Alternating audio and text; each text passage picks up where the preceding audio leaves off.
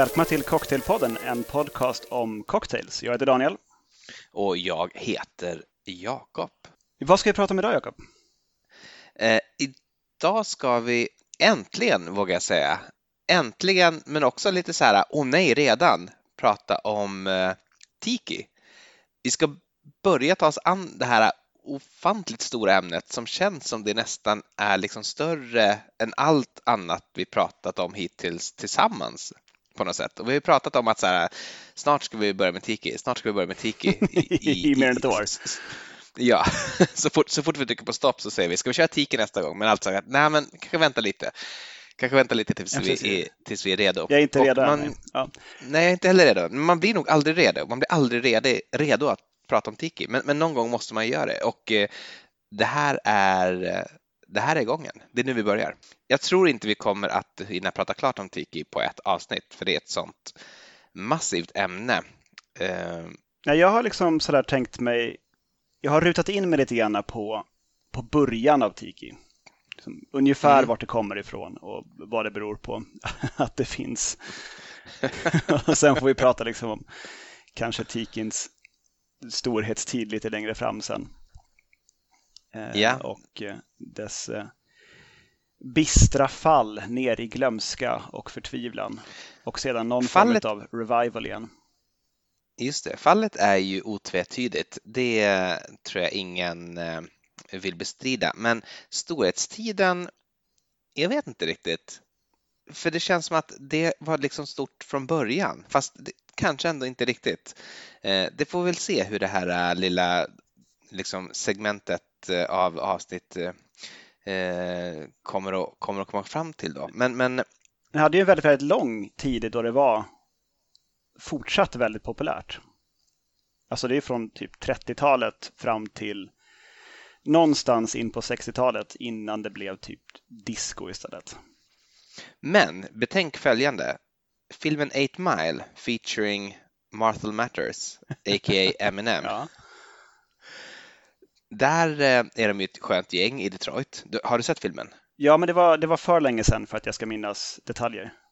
Eh, men, men de har ju mycket så spontana burst out i, i sång och eh, det finns ett segment där som jag inte faktiskt förstod när jag såg filmen för första gången på bio. Där de då står och liksom lyckligt liksom viftar med händerna så här med fingrarna, alltså lite så här jazz hands och tittar upp i skyn allihopa och så sjunger de 10 freaky girls inside the chin tiki. Och eh, jag förstod inte vad det var tills jag insåg att chin tiki är en tiki-kedja som ännu då på 90-talet levde kvar i, i Detroit där det då upp, enligt då det här sköna grabbgänget skulle finnas 10 freaky girls som de då antar jag tänkte gå och, och parta med. Det säger någonting kanske tänker jag om hur ändå hur, hur fest Tiki är och hur fest det alltid har varit. Ja, Alltså, skulle, du, skulle du vilja göra ett försök att uh, kärnfullt, uh, kort och koncist förklara för den oinsatte vad tusan, vad, vad är Tiki? Ja, jag kan, jag kan ge ett försök då. Det här blir väldigt improviserat. Jag hade tänkt att du skulle ta liksom, led, ledartröjan. det var bra att jag kom ut före med den där, så att den landade på dig. Men Tiki är ju någon sorts fantasi. Om, om, man börjar med själva stilen då, jag tror att det brukar kallas för Polynesian pop, själva stilen. Eh, för det är en estetisk stil och det är också en stil liksom, ja, men både estetiskt, både ska man säga, musikaliskt, konstnärligt och eh, inredningsmässigt eh, i tiki-barer. Och, och, sen så är det också då en, en stil av drinkar. Men om vi bortser från drinkarna här först så är det ju då någon sorts liksom, fantasi om Söderhavet där hela Söderhavet liksom fokuseras till en enda punkt på något sätt. Jag, jag, tänker att det är lite grann som det är lite grann som Skansen är i Sverige. Det är idén av Sverige. Ja, om, om, man går på Skansen så är det så, men det här är Sverige och så är det typ, här har vi ett torp från 1700-talet, här har vi ett litet folkhem, här finns en älg, här har vi några sälar, men liksom sälar och älgar har ju aldrig, har ju aldrig battlat på riktigt och, och de här liksom två husen från södra Gotland och, och och liksom Bohusläns eh, kust har ju aldrig liksom stått eh, vägg i vägg på riktigt. Men det är något sorts ändå liksom fokus av, av liksom Sverige på något sätt. Och, och, och, och så är det med Tika också, att det är någon sorts blandning av fantasi och liksom sammelsurium av allting i Polynesien. Och Polynesien tänker jag, det är egentligen, det är liksom hela Stilla havet från Nya Zeeland till Amerika ungefär. Ja, och nästan och lite liksom Karibien liksom, ibland också. Ja, det har ju fått eh, komma med och, och, och faktiskt också lite grann så här, Sydostasien.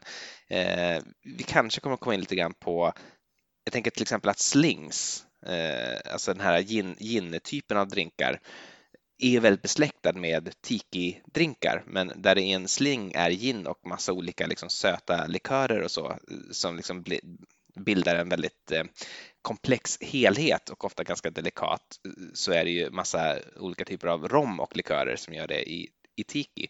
Men att det ändå finns någonting, någonting så här eh, exotiskt för om man tänker sig vit amerikansk medelklass anno 1930-1940 och ärligt talat också 2019. Precis. Ja, nej men liksom det, det går att spåra liksom längre tillbaka faktiskt än själva det som vi idag kallar för tiki. Eh, den här polynesiska mm. grejen, sent 1800-tal så liksom började det dyka upp temakvällar och sånt liksom på polynesiskt tema. Och under förbudstiden så, så var det en del sådana här soda fountains. Det som, det, det som var istället för barer, så man kunde gå och dricka alkoholfria blandningar utav olika fruktsiraper och smaksatta sockerlösningar blandat med kolsyrat vatten. Mm. Så det finns, jag hittade en gammal artikel från under, eh, under förbudstiden då det är en soda fountain som har en, eh, vad heter det, en typ Hawaiian Week eller något sånt där. Och sen så har de eh, bambuinredning och vasstrån och liksom väldigt väl dekorerade drinkar i tropiska smaker. Mm. Den här sättet att göra ingredienser som man hade på en soda fountain. Man gjorde väldigt mycket på plats och man liksom gjorde säg, hallonsirap eller ananassirap och sånt. Det går ju igen väldigt mycket sen i det som blir liksom den här eh, exotic drinks eller tropical drinks. Att man liksom gör väldigt mycket där. Just det.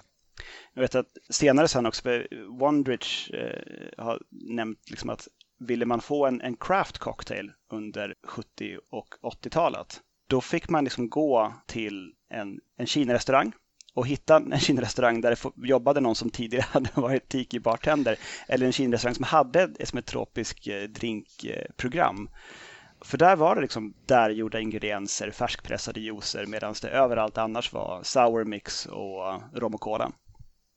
Det är intressant, ja, för det fanns ju också en matstil som gick till de här tiki-drinkarna eh, och väldigt ofta var det någon sorts ja, men vad vi skulle kalla, kalla för svennebanan-Kina, men, men det som i Amerika antar jag kallas för, för Americanized mm, Chinese. Precis, men med liksom lustiga namn, liksom typ uh, Roasted beef in the honor of uh, Pele the Fire God eller något sånt där. och den lustigt namnade Poo Poo Platter. Poo Poo Platter, ja.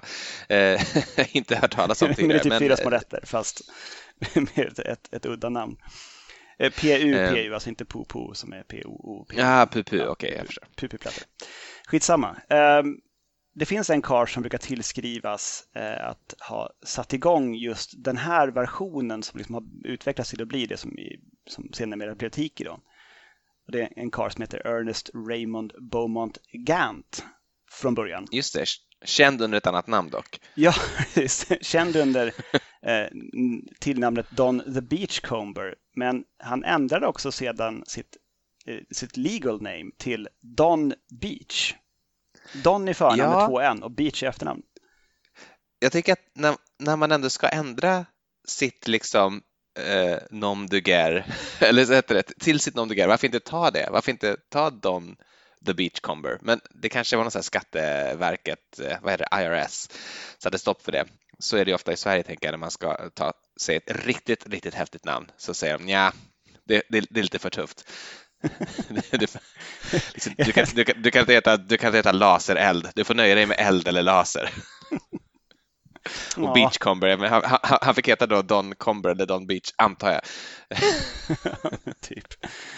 Um, hur som helst, uh, han är född på tidigt 1900-tal och uh, skolades kan man väl säga av sin grandfather, så jag vet inte om det är farfar eller morfar. eh, med turer till New Orleans men också till Karibien med eh, den här farfar morfarns yacht. Och då hjälpte han då eh, till med lite import-export-rörelser. In, in, inklusive alltså, under förbudstiden? Precis, de, under förbudstiden så flexade de över till rom från Jamaica framförallt. Så det, det, är en bra skola liksom om man ska ha också en liten air av sig att om man ska ha liksom ett, en, en bar som sysslar med, med rom, då kanske man ska ha varit romsmugglare också. Det skadar ju inte i alla fall. Mm, eh, verkligen, och han samlar väl på sig då, eller så, så här var det väl, det där, det där var väl under hans barndom och om jag minns rätt nu från litteraturen så är det så att hans föräldrar som väl var någon sorts lägre medelklass men ändå hade liksom en viss inkomst, tillräckligt mycket för att skramla ihop liksom pengar från honom och, gå på college, gav honom valet att eh, ta de här collegepengarna och, och, få en utbildning eller gör vad fan du vill med dem. Upp till dig. Och han tog en och... utbildning, eller hur? Blev matematiker. Nej, han, han, tog väl då, vad heter det, University of Life då, för han tog väl de här pengarna och så, så här, reste han runt och levde jetset-liv i typ tre år tills pengarna var slut. Men, men, men åkte överallt då. Han, han, han, var i New Orleans och han var i Singapore. Han, han var enligt uppgift på Raffles Hotel just och drack eh, Singapore Slings till exempel och, och i Karibien och jag chansar nu, men säkert ute på de här polynesiska öarna också. Alltså runt om. Han, han reste liksom jorden runt ett par varv och samlade på sig en massa bråte varifrån han än liksom när han lämnade plats så hade han alltid någonting med sig. Eh, så när han kom tillbaka pank så hade han ju ett, jäkla lass med liksom exotiska föremål. som, som, och jag nämner det här bara för att det här är det som liksom blir, det här är ju faktiskt den fysiska grunden till det som sen blir tiki-stilen, för det är det här han använder för att inreda sin bar sen när, när han till slut lyckats få en investerare att eh, satsa lite pengar i honom och hans drinkar och eh, entertainment skills. Ja, precis. Eh, på 30-talet då, Eh, precis efter förbudstiden, så öppnar han ju eh, det som först hette Dons Beachcomber och sen sedermera då Don the Beachcomber i, eh, i Hollywood faktiskt, bredvid Hollywood Boulevard. Alltså inte på förstås, men alltså på ett kvarter intill liksom. En lugnare gata. Det hade varit en, om det var skrädderi eller någonting i den lokalen innan. Så inte ens liksom inredd för bar. Visst var Hollywood också på den tiden lite grann det som Sunset Strip blev senare. Alltså det var egentligen dit man åkte för att festa och jag vet inte om det är så, men jag har fått för mig lite grann att anledningen till att liksom filmindustrin uppstår där är kanske för att det där är liksom det är kvarteren där konstnärerna, det vill säga suputerna, redan bor. Eh, och, att, och, och, att det kanske, det kanske snar, ja, men det kanske snar, ja men precis, det, men det kanske snarare är det som liksom lockar, lockar filmindustrin snarare än tvärtom. Att det, det är liksom inte de som är först utan att det där redan innan det var en, en stor industri åtminstone så var det till Hollywood man åkte för att liksom gå på de bästa festerna och gå på de coolaste barerna och liksom de, de tuffaste nattklubbarna och sådär. Eh, så, så det, fi, det, finns ju en, en, en air av eh, party place när han öppnar det här Beachcomber Café. Precis, men då, det, det har ju i Hollywood redan innan, sen en, en god tid tillbaka, funnits polynesisk, exotisk temade stora restauranger i, alltså, som ändå liksom har varit igång. Men som inte var för det här var ett väldigt litet ställe. Det var lite lugnare. Man kunde liksom smita iväg från Hollywood Boulevard och liksom gömma sig hos, hos Don the Beachcomber. Och sen var han ju själv väldigt alltså, service, serviceinriktad och hade sin, sina skrönor och berättelser från sina, sina resor. Och han klädde sig liksom i, i vita, nästan lite kolonialkläder. Liksom. Och... Ja, men typ slitna linnekostymer, alltså blekta linnekostymer har jag fått för mig. Precis. Det finns ju en del bilder på honom där han sitter liksom och håller låda bland gästerna. Liksom. Eh, och sen så de som gjorde drinkarna, det var ju, drinkarna gjordes ju bakom en vägg så man fick aldrig se när drinkarna gjordes för att det, det var ju förstås hemligt vad som var i dem och hur det gick till. Så där hade han eh, några bekanta från eh, Filippinerna som, som hade flyttat över till USA och som jobbade åt honom. Som liksom blev eh, ryggraden i, i, i hans verksamhet och i att göra drinkar. Eh, jag måste vi, ta en drink nu innan eh, min, eh, min isgrej här smälter. Ja, men kör. För det är, det är mycket med, med tiki med garnering och liksom grejer och så. Här har vi en Beachcombers Gold, den är från, från 30-talet, som har en, du ser kanske lite grann i webbkameran, det är som ett snäckskal av krossad is som liksom häver sig upp ur själva drinken.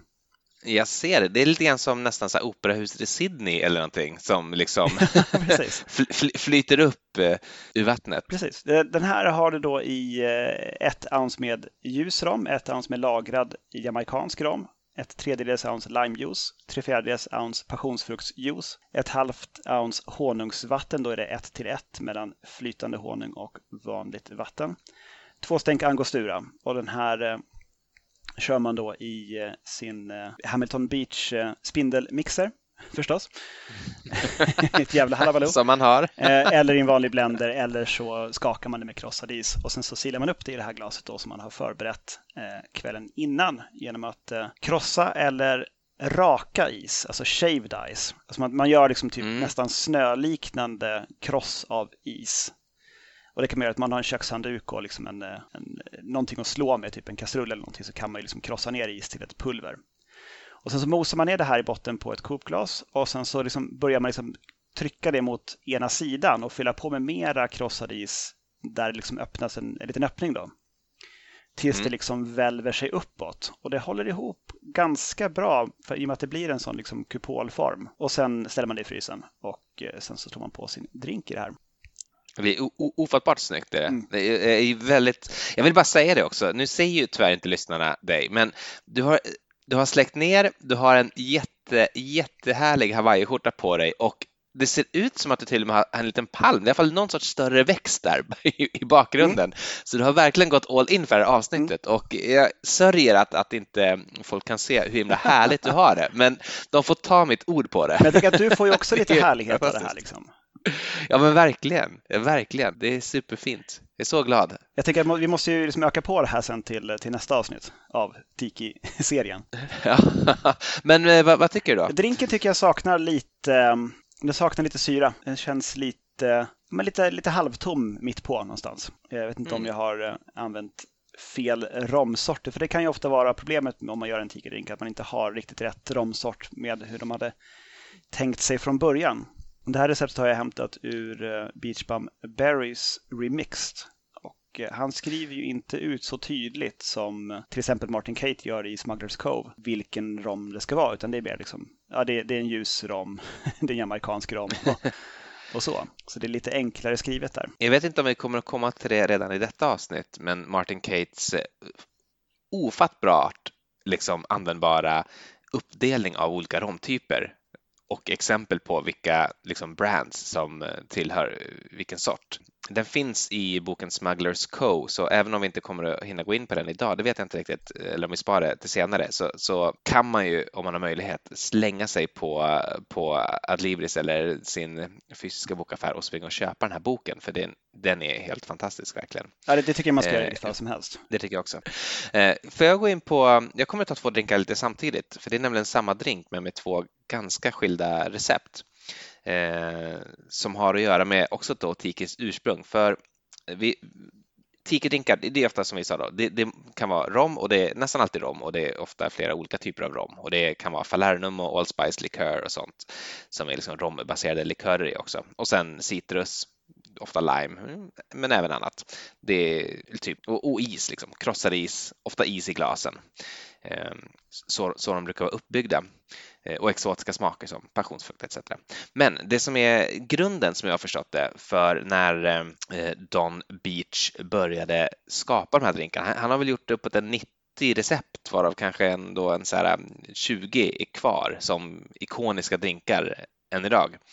Eh, väldigt, väldigt produktiv, otroligt säker receptmakare. Men han utgick liksom från början från en väldigt klassisk drink som liksom är så klassisk så att det nästan är, är äldre än vad någon kan komma ihåg.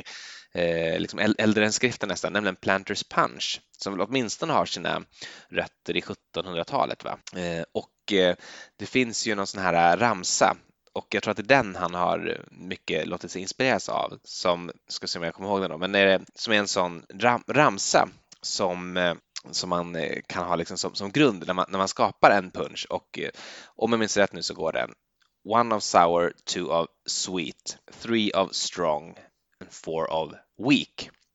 Eh, alltså ett surt, två sött, tre starkt och eh, fyra svagt och starkt är förstås sprit, svagt är ju vin eller eh, te eller eh, vatten eller is för den delen. Ja, eller någon, någon fruktjuice också kan det vara. Ja, sött är ju socker och eh, surt är ju någon typ av citrus. Och den här Planters Punch då i alla fall ska bland annat kunna göras med det receptet. Jag har gjort två olika recept på Planters Punch. Den ena är från eh, boken som jag har lånat av dig här, en, en liten nätt pamflett vid namnet Don the Beachcombers Little Hawaiian Tropical Drink Book. Eh, och där är faktiskt det allra, allra första receptet i boken också, Planters Punch. Eh, och eh, i det här receptet då så ska det vara 3 och en fjärdedels ounce med limejuice, 3 och en fjärdedels ounce med någonting som heter Honey Cream Mix som är en blandning av smör och honung i ett till ett. Man, man, får värma på dem så att de liksom blir rinniga och så blandar man ihop dem och sen får man kyla dem igen. Så tre fjärdedels ounce av det. Eh, en och ett halvt ounce med eh, ananasjuice, ett och ett halvt ounce med så står det så här, Jamaica Dagger Punch Dark Rum. Vet inte riktigt vad det är. Jag tog Goslings Black Seal för det var typ den mörka rom som jag hade inom en armlängds avstånd. Eh, ett och ett halvt ounce med sodavatten och sen en stänk med angostura bitters. Och eh, det här eh, ska man eh, skaka med eh, cracked ice och sen hälla liksom med is och allting i ett lämpligt glas. Garnera med körsbär och eh, ananas, stång. Och det ska drickas ut sugrör och det har jag här. Nu har faktiskt den här liksom smörhonungsgrejen börjat skiktas lite grann. Det så såg det inte ut från början så den är lite, eh, lite fulare nu än den var alldeles när den var nyskakad. Men det här är ju, det här är ju som du anar alldeles, alldeles utmärkt. Jag förstår det. Men sen är det också, det kommer ju an lite grann på eh, en naturlig förklaring till varför tiki-muggar, det vill säga alltså keramisk, keramikkärl med liksom mm. rolig eh, dekor på eller rolig form eller någonting, varför det är en grej just inom tiki. Det är ju liksom inte bara att det passar in med, eh, med hur, hur stilen är i övrigt och man kan få med de här avgudabilderna och sånt.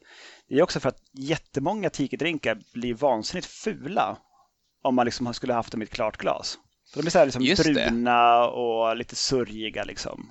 Men häller de i en, eh, en mugg med liksom ett påskansikte på, vem är det ingen som bryr sig om det? Det är jättesnyggt ändå. Helt sant. Det är väl, nu är verkligen så här associationer här, men det var väl det som var lite grann Eh, när eh, man började göra ljuslager, vilket ju var egentligen när man började ha tåg, för när man hade tåg så kunde man hämta is från Alperna och då kunde man göra kylrum och eh, ljuslager måste liksom jäsa i kalla rum, så det var då man kunde börja göra det på något industriellt vis. Men den är ju vacker att se på.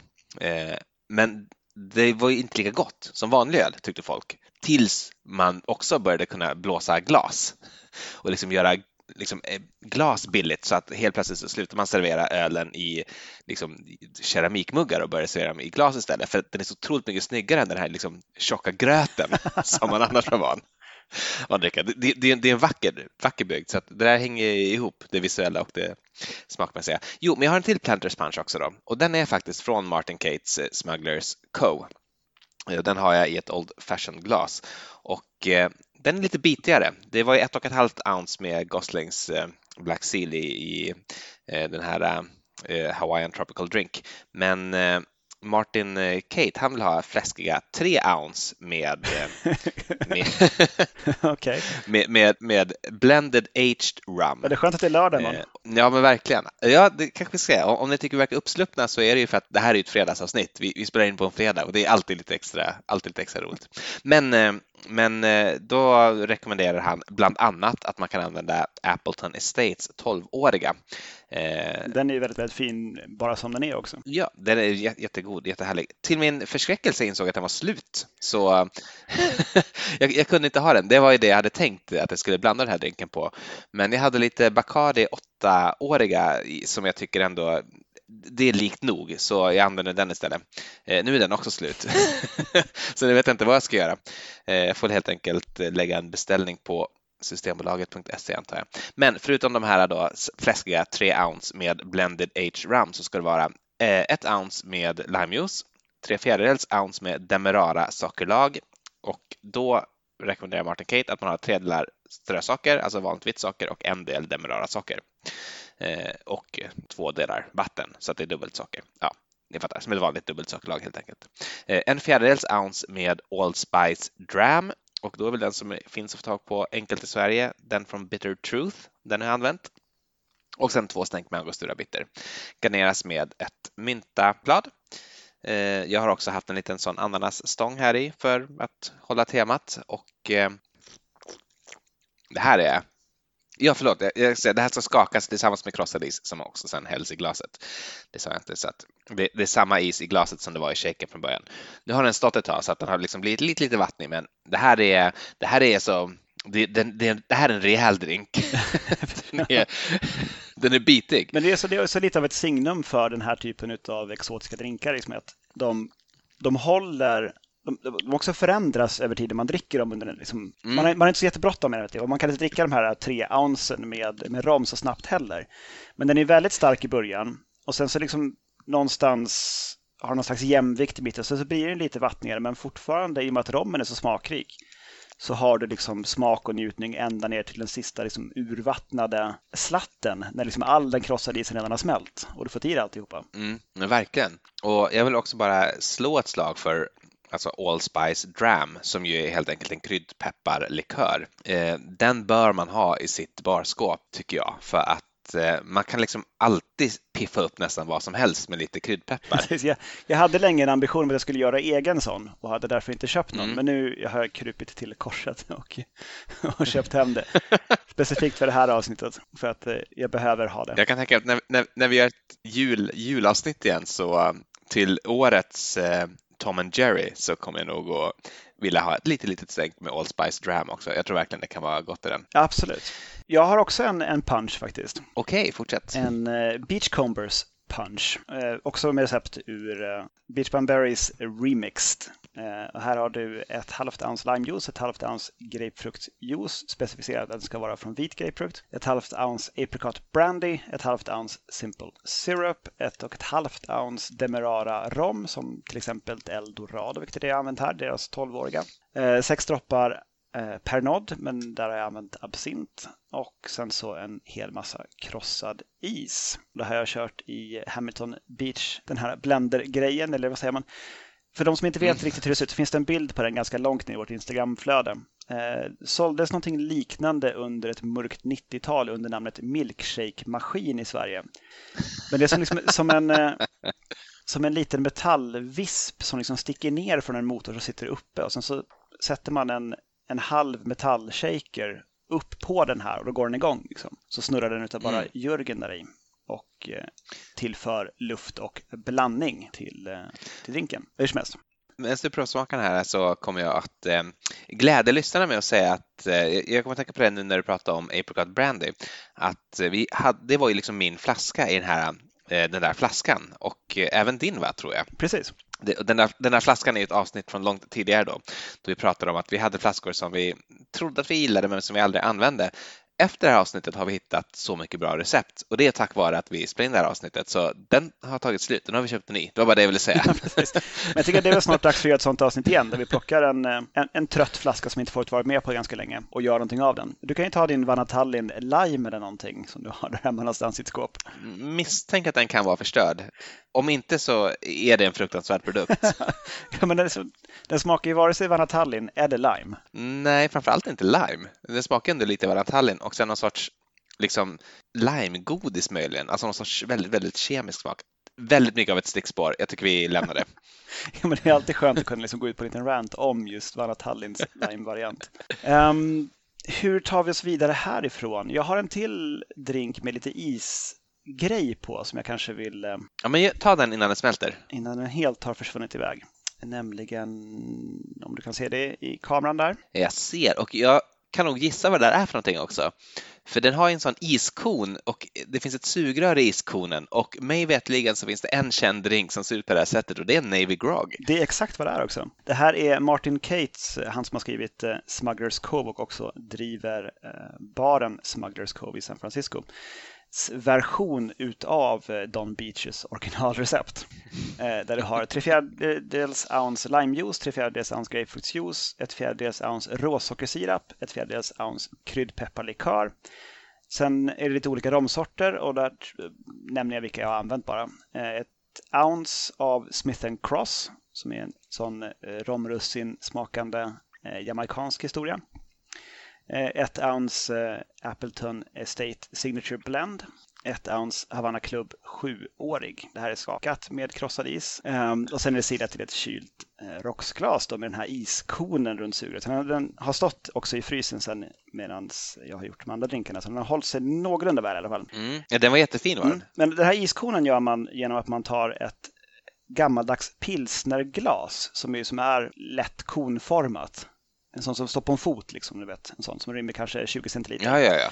Och så tar man så här snö, till snö hamrad is och packar tätt i den och sen så petar man ner ett, eh, ett sugrör genom och sen så fryser man det och värmer sen upp liksom med händerna på glaset tills man kan få loss den här konen. Mm. Eh, och sen misslyckas man med det några gånger och får frysa om den. eh, tills man till slut får fram någonting som hjälpligt ser ut som en kon och kan användas för drinken. Men jag ska smaka på den här också. Den är otroligt gott. Kryddpepparlikören märks. Mm. Och, mm. Den märks ju väldigt lätt. Mm, man får vara försiktig med den. Alltså, en, liten, en droppe för mycket så kan det liksom bli att det blir kryddpeppar och alltihopa. Men sen så är det ju lite kryddpeppartoner också i en del av de här romsorterna mm. redan från början. Så det är, är en fantastisk drink. Beach Bum Berry har också en, eh, ett Navy Grog Kit man kan köpa på nätet som är en liten metallkon och en eh, metallpinne som man kan frysa sina koner i. Det är den som är alltså, vi, nu, vi, ska vi bara nämna någon, någonting om vem Beach Bum Berry är kanske? Ja, han är eh, väldigt kort sagt, han är Indiana Jones av exotiska drinkar. Han är liksom den som, när någon som har jobbat inom den här branschen ligger på sin dödsbädd, liksom stirrar upp i taket på sjukhuset, så dyker hans liksom skäggbeprydda och hattbeklädda huvud liksom upp i synfältet. Och så bara, nej men vänta, nej, nej, dö inte än. Jag måste veta vad som fanns i Dons mix nummer fyra. Och hur fan gjorde ni en zombie egentligen? Mm. och sen liksom skakar liv i den här stackaren liksom, tills han har berättat och då till slut får han dö. Liksom. Så han har samlat ihop under eh, väldigt, väldigt, väldigt många år. Han började typ på 90-talet och samlade recept. Enligt egen utsaga för att han ville själv kunna göra de här drinkarna. Han var liksom en av de som åkte runt och typ besökte de här sista ställena där de, de som kunde göra de här drinkarna fortfarande jobbade. Alltså ofta Kina-restauranger. Mm och eh, drack de drinkarna och liksom försökte liksom klura ut från bartendern redan då. Hur gör du det? Men, nej, men det är bara rom och fruktjuice. Nej, men kom igen, du kan berätta nu. Nej, men det är bara rom och fruktjuice. Okej, vilken rom, vilken fruktjuice och så vidare. Men anledningen ursprungligen till varför allt var hemligt med recepten var ju för att, eh, liksom, att ha bra recept på drinkar i sin bar var liksom det var själva grejen. Alltså det var, visst, dekoren var ju kul och så, men, och maten var väl typ okej, okay, men det var inte därför man gick dit. Man gick dit för liksom de här fantastiska drinkarna med liksom mm. speciella namn och backstories och alltihopa. Men om du då liksom i kvarteret intill ville starta upp en ny bar och kunde få tag i de recepten så kunde du göra exakt samma sak där och liksom dra business över från det stället. Så tricket då var liksom att, att göra recepten hemliga eller kodade och också bartenders som själva hade recept som de hade kommit på och liksom, de byggde sina karriärer på det här. De kunde ju flytta från ställe till ställe och som ta med sig sina recept om ingen annan visste hur man gjorde dem. Mm. Så att, och Don Beach satte ju det där väldigt så i system. När folk började sno hans bartenders så började han koda recepten även för dem. Så att de visste inte annat än att det här receptet innehåller lime, den här rommen och Dons mix nummer två. Men även liksom rommen var väl ofta liksom mixer och att hällde dem i andra flaskor så att de visste inte ens vilken sprit det var riktigt. Det är en mörk rom. Liksom. Precis. Använd, använd, flaskan som är märkt fyra och ta ja, var, så många det ounce det var, det, typ liksom. typ så. För då kunde ju ingen ens eh, sno hans, eh, hans bartender. För det enda de visste var ja, men det är Dons mix. Ja, men vad är det den då? Det har jag ingen aning om. Nej, det vet jag inte. de, de gjorde ju eh. han själv liksom, i en annan lokal och sen bar till baren. Det är ju lurigt. Det är lite så julmust jobbar för, för övrigt. De har inte patent på sitt recept utan jobbar liksom bara med eh, att hålla det hemligt istället. Eftersom patent ju alltid går ut. Ja, just det. Så att eh. man får köpa en essens av en viss familj typ, som äger receptet. Ja men precis, så att alla de här apotekarnas och alla som gör julmust köper julmustessens av dem som kom på julmust som inte liksom berättar vad det är i den. Enbär har man tydligen kommit fram till, men det är också det enda. Ja, ehm, men jag går tillbaka med drinkar. Du nämnde ju att de hade lite roliga namn eh, som Zombie till exempel. Som, om vi pratar om starka drinkar, är inte den så här typ 25 centiliter sprit i en zombie? Jag, vet, jag kan, jag kan läsa eh, receptet eh, på det här är ett recept från, eh, också från eh, Remixed då av Beach Bum Berry. där mm. han har spårat upp en tidigare medarbetare till, till Don Beach som heter Dick Santiago som någonstans på 30-talet, sen på 30-talet liksom skrev ner ett, ett recept som han då markerade som Old Recipe. Så det är liksom från alldeles i början utav, eh, av Don the Beachcomber stället då, eh, på en zombie och då lyder det som följer. 3 fjärdedels ounce limejuice, ett halvt ounce Dons mix, ett halvt ounce Falernum, ett och ett halvt ounce ljus rom, ett och ett halvt ounce lagrad eh, blended japansk rom, till exempel Appleton 12 år. Ett ounce mörk overproof rom och här ska det vara egentligen Lemon Heart 151 proof, men den tillverkas inte längre och finns inte att få tag i. Jag har försökt, mm. jagat runt på hemsidor för att hitta den här magiska rommen som, liksom, som finns med i väldigt många tiki-drinkar. Eh, men där har jag istället använt då en rom som man specifikt tagit fram för att hjälpa till med den här bristen och det är Plantations OFTD som är en mm. 67-procentig tror jag rom. Eh, 151 är ju lite starkare förstås. Eh, och sen är det ett stänk angostura, sex droppar per nod. Där jag eh, tidigare när jag gjort receptet använt absint. Och sen en tesked grenadin. Och det här ska då eh, köras med krossad is i en, eh, en sån mixer. Och sen hällas osylat till ett eh, glas som närmast liknar ett Collins-glas men som är sin egen glastyp på något vis. Det är ett zombieglas men det är ett rakväggat Collins-liknande glas så det kan man mycket väl använda ett Collins-glas. Och sen fylla upp med mm. mera is och garnera med mynta. Och det här Dons Mix då, det är två delar vit grapefruktsjuice och en del Simple Syrup med kanel. Mm. Och sen så stod det då ofta på menyn att eh, även hos, hos Don the Beach kommer men också hos alla som snodde idén att ha en drink som hette Zombie. Så står det alltså endast två per kund, liksom, eller max två per kund. Vilket är liksom sådär, vadå? jag ska dricka fler. Ja, ja, det är dumt. men, men ändå liksom. Men, men många av de här drinkarna, det, det är roligt, det är ett bra trick också för att verkligen få folk att vilja beställa mer. Men, men många av de här äh, namnen hade ju någon sorts alltså, känsla av, eller liksom är av äh, alltså fara. Jag tänker zombie är väl självklart, men vad finns det mer? Vicious Virgin Cobras den. Fang, Sidewinder. Eh, typ och, och Missionaries Downfall. Jag, jag, jag, tänker mig att historien bakom den då, det är alltså inte naturligtvis den sanna historien, men historien bakom den är ju på något sätt att missionären som kommer någonstans men sen går ner sig när han upptäcker den här, den här liksom lokala drinken som man har på den här ön. Exakt. Och liksom, han, han eh, liksom kan, kan aldrig liksom slutföra sitt värv därför att man blir en suput istället. Det är liksom the missionaries downfall och ja, slutar i rännstenen. Sen har du Suffering Bastard eh, med uppföljaren Dying Bastard och slutligen Dead Bastard. det är liksom en hel serie drinkar där.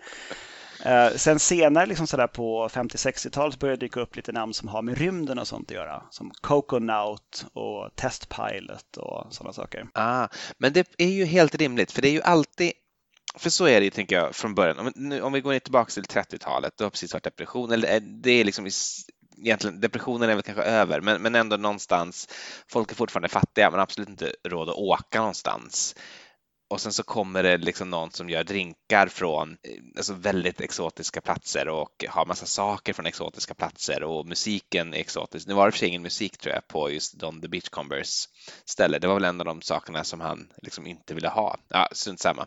Men, men att det finns en sån liksom alltid en längtan bort i det här och längtan till någonting större och någonting superspännande och lite farligt. Så det går ju ändå hand i hand med Coconut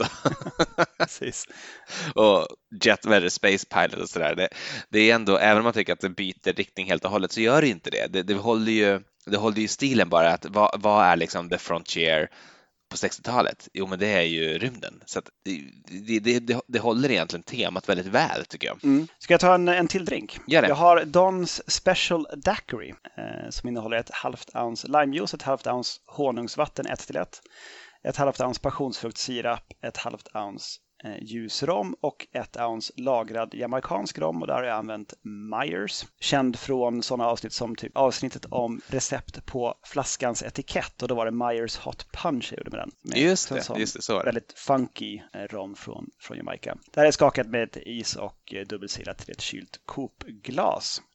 Det här receptet är en senare variant av det som på 30-talet var en Mona Daiquiri på Don the Beachcomber. Men Mona Daiquiri använde en redan då 30-årig rom från just Myers som hette Mona Rum. Mm. Men den är nog svår att få tag i idag tror jag, den, den romflaskan. Det, det, det låter ju väldigt sannolikt att den skulle vara, den är säkert uppdrucken. Jag tror faktiskt det. Det, ja, det är ju en, en passionsfruktssmakande eh, daiquiri med, eh, med väldigt smakrik rom i. Så att det förstår du ju själv att det här är ju det är inte ett dugg äckligt. Nej, det kan jag tänka mig. Det kan jag verkligen tänka mig. Eh, jag vill också passa på och eh, ta en, för du ser här att jag har ett glas, det är nästan slut. Jag har liksom inte kunnat hålla mig och inte Linda heller medan vi har suttit och spelat in. Eh, det här är en fantastisk drink som egentligen bara är temat för att det är, tiki då. Jag har egentligen ingen annan skäl att ha just den här, men den är så himla god och den heter Saturn. Och jag har hämtat den från Smugglers Co och eh, den ska innehålla, det är tre fjärdedels ounce med citronjuice, ett halvt ounce med eh, passionsfruktsockerlag och då har jag gjort det så enkelt för mig att jag helt enkelt tömt en halv passionsfrukt och eh, hällt sockerlag på det och blandat runt lite grann. Eh, funkar alldeles, alldeles utmärkt. Eh, ett fjärdedels ounce med orgeat, ett fjärdedels ounce med falernum och slutligen i tiki-sammanhang ganska ovanliga ingrediensen gin, ett och ett fjärdedels ounce. Eh, London Dry då. Det här kan man sedan garnera med till exempel en skiva passionsfrukt och en lime sprig som vi har här.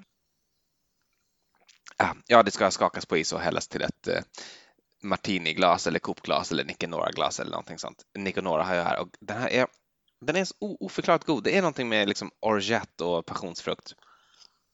Mm -mm. jag, jag ville att du skulle få se att jag, att jag faktiskt hade någonting i glaset och inte bara... det ligger bara ett garnering där i. Hijackar den här. ja, vad härligt.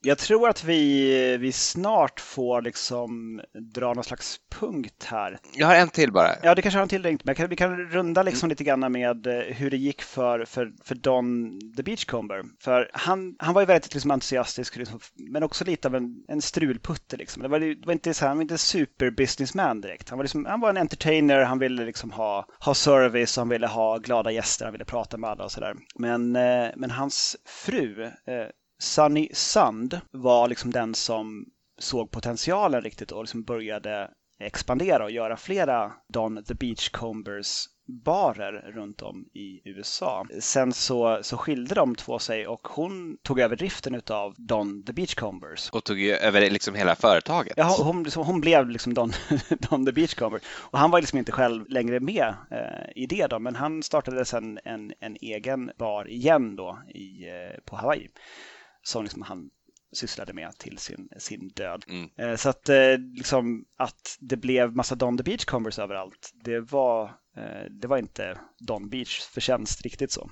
Själva idén och konceptet och utvecklingen av drinksystemet och allt sånt och liksom med hemliga recept och det där, det, det var ju han. Men, det var, men han fortsatte jobba liksom med henne som chef väldigt länge också. Att hon ägde företaget och han var ju liksom anställd i kedjan Don the Beachcomber. Ja, men Fram tills de skilde sig väl? ja, precis. Jo, men, och då fortsatte hon på egen hand. Då. Men, men jag tror ändå att även liksom, medan de var gifta så var det hennes företag ganska länge. Ja, det stämmer nog. Så det, det, är en spännande, liksom, ett spännande, ett spännande avslut där på, på hans. Men du har en till drink, Jakob. Ja, och jag vill få med den för att det är en liten sedelärande historia om hur det kan gå när man äh, av, gör avsteg från receptet. Eh, det här är eh, en drink också från den här lilla pamfletten. Eh, och den, jag måste bläddra fram den här bara. Den heter Mystery Gardenia och Eh, Eh, den här drinken ska bländas i en blender. Men jag hade så lite tid för att du hade redan ringt upp på Skype och jag stod här och skulle göra den här drinken och det var den, den sista för dagen. Jag tänkte nej men jag, jag, jag, jag, tar bara lite krossad is och skakar istället för att blända och ja, det kanske inte liksom blir den här liksom slushy effekten men det lär ju bli gott ändå. Men chi fick jag. Jag ska berätta ingredienserna och så ska du få se om du kan gissa vad, vad felet eh, vad fället blev då. Det ska vara ett och ett halvt ounce med limejuice, tre och ett halvt ounce med honey cream mix, det vill säga den här äh, smörhonungsröran äh, smör-honungsröran som jag pratade om tidigare. Ett och ett halvt ounce med ljusrom och då använder jag äh, Eldorados treåriga som har en ljuvlig kolaton i mitt tycke. Och slutligen då ett stänk med angostura bitters och det här ska då bländas och sen hällas till ett kokglas. Men jag skakade det med krossad is istället. Mm. Jag tänker mig att smöret blev klumpar. Helt korrekt. Så den är sur som bara den. Den smakar typ sur rom och i den så finns det då en stor klump med smör. med hårt smör. Det är inte margarin i alla fall. Nej, jag tänkte faktiskt ta det. För jag har alltid margarin hemma. Men jag tog smör sen ändå. Jag kan tänka mig att den här antagligen skulle kunna vara rätt god om man gör den på rätt sätt. Eh, fullständigt odrickbar som, eh, på det sätt som jag gjorde den. Så eh, om ni inte liksom har en blender och är beredd att använda den så avråder jag kraftigt från en Mystery Gardenia. Eh, om ni har en blender och, och väljer att göra den här ändå så kan ni väl skriva till oss vad ni tyckte om den, antingen på Instagram via direktmeddelande eller i en kommentar. Eh, på Instagram heter vi Cocktailpodden. Man kan också mejla oss på cocktailpodden gmail.com så har man någonting att rapportera så kan man också kontakta oss på så sätt. Mycket bra. Och i nästa avsnitt av, eh, av Tiki i alla fall så tror jag vi kommer att komma in på en kar som både var receptmakare och Eh, väldigt mycket av en businessman, nämligen eh, Victor Bergeron, även känd som Trader Vic. Vi skulle prata om det idag, men det gjorde vi aldrig. Vi hann inte, för jag tror att vi måste nästan eh, sluta här. Det tror jag absolut. Jag, jag föreslår en, en, en skål och därefter följande god natt. Ja, god natt. Tack för att ni har lyssnat.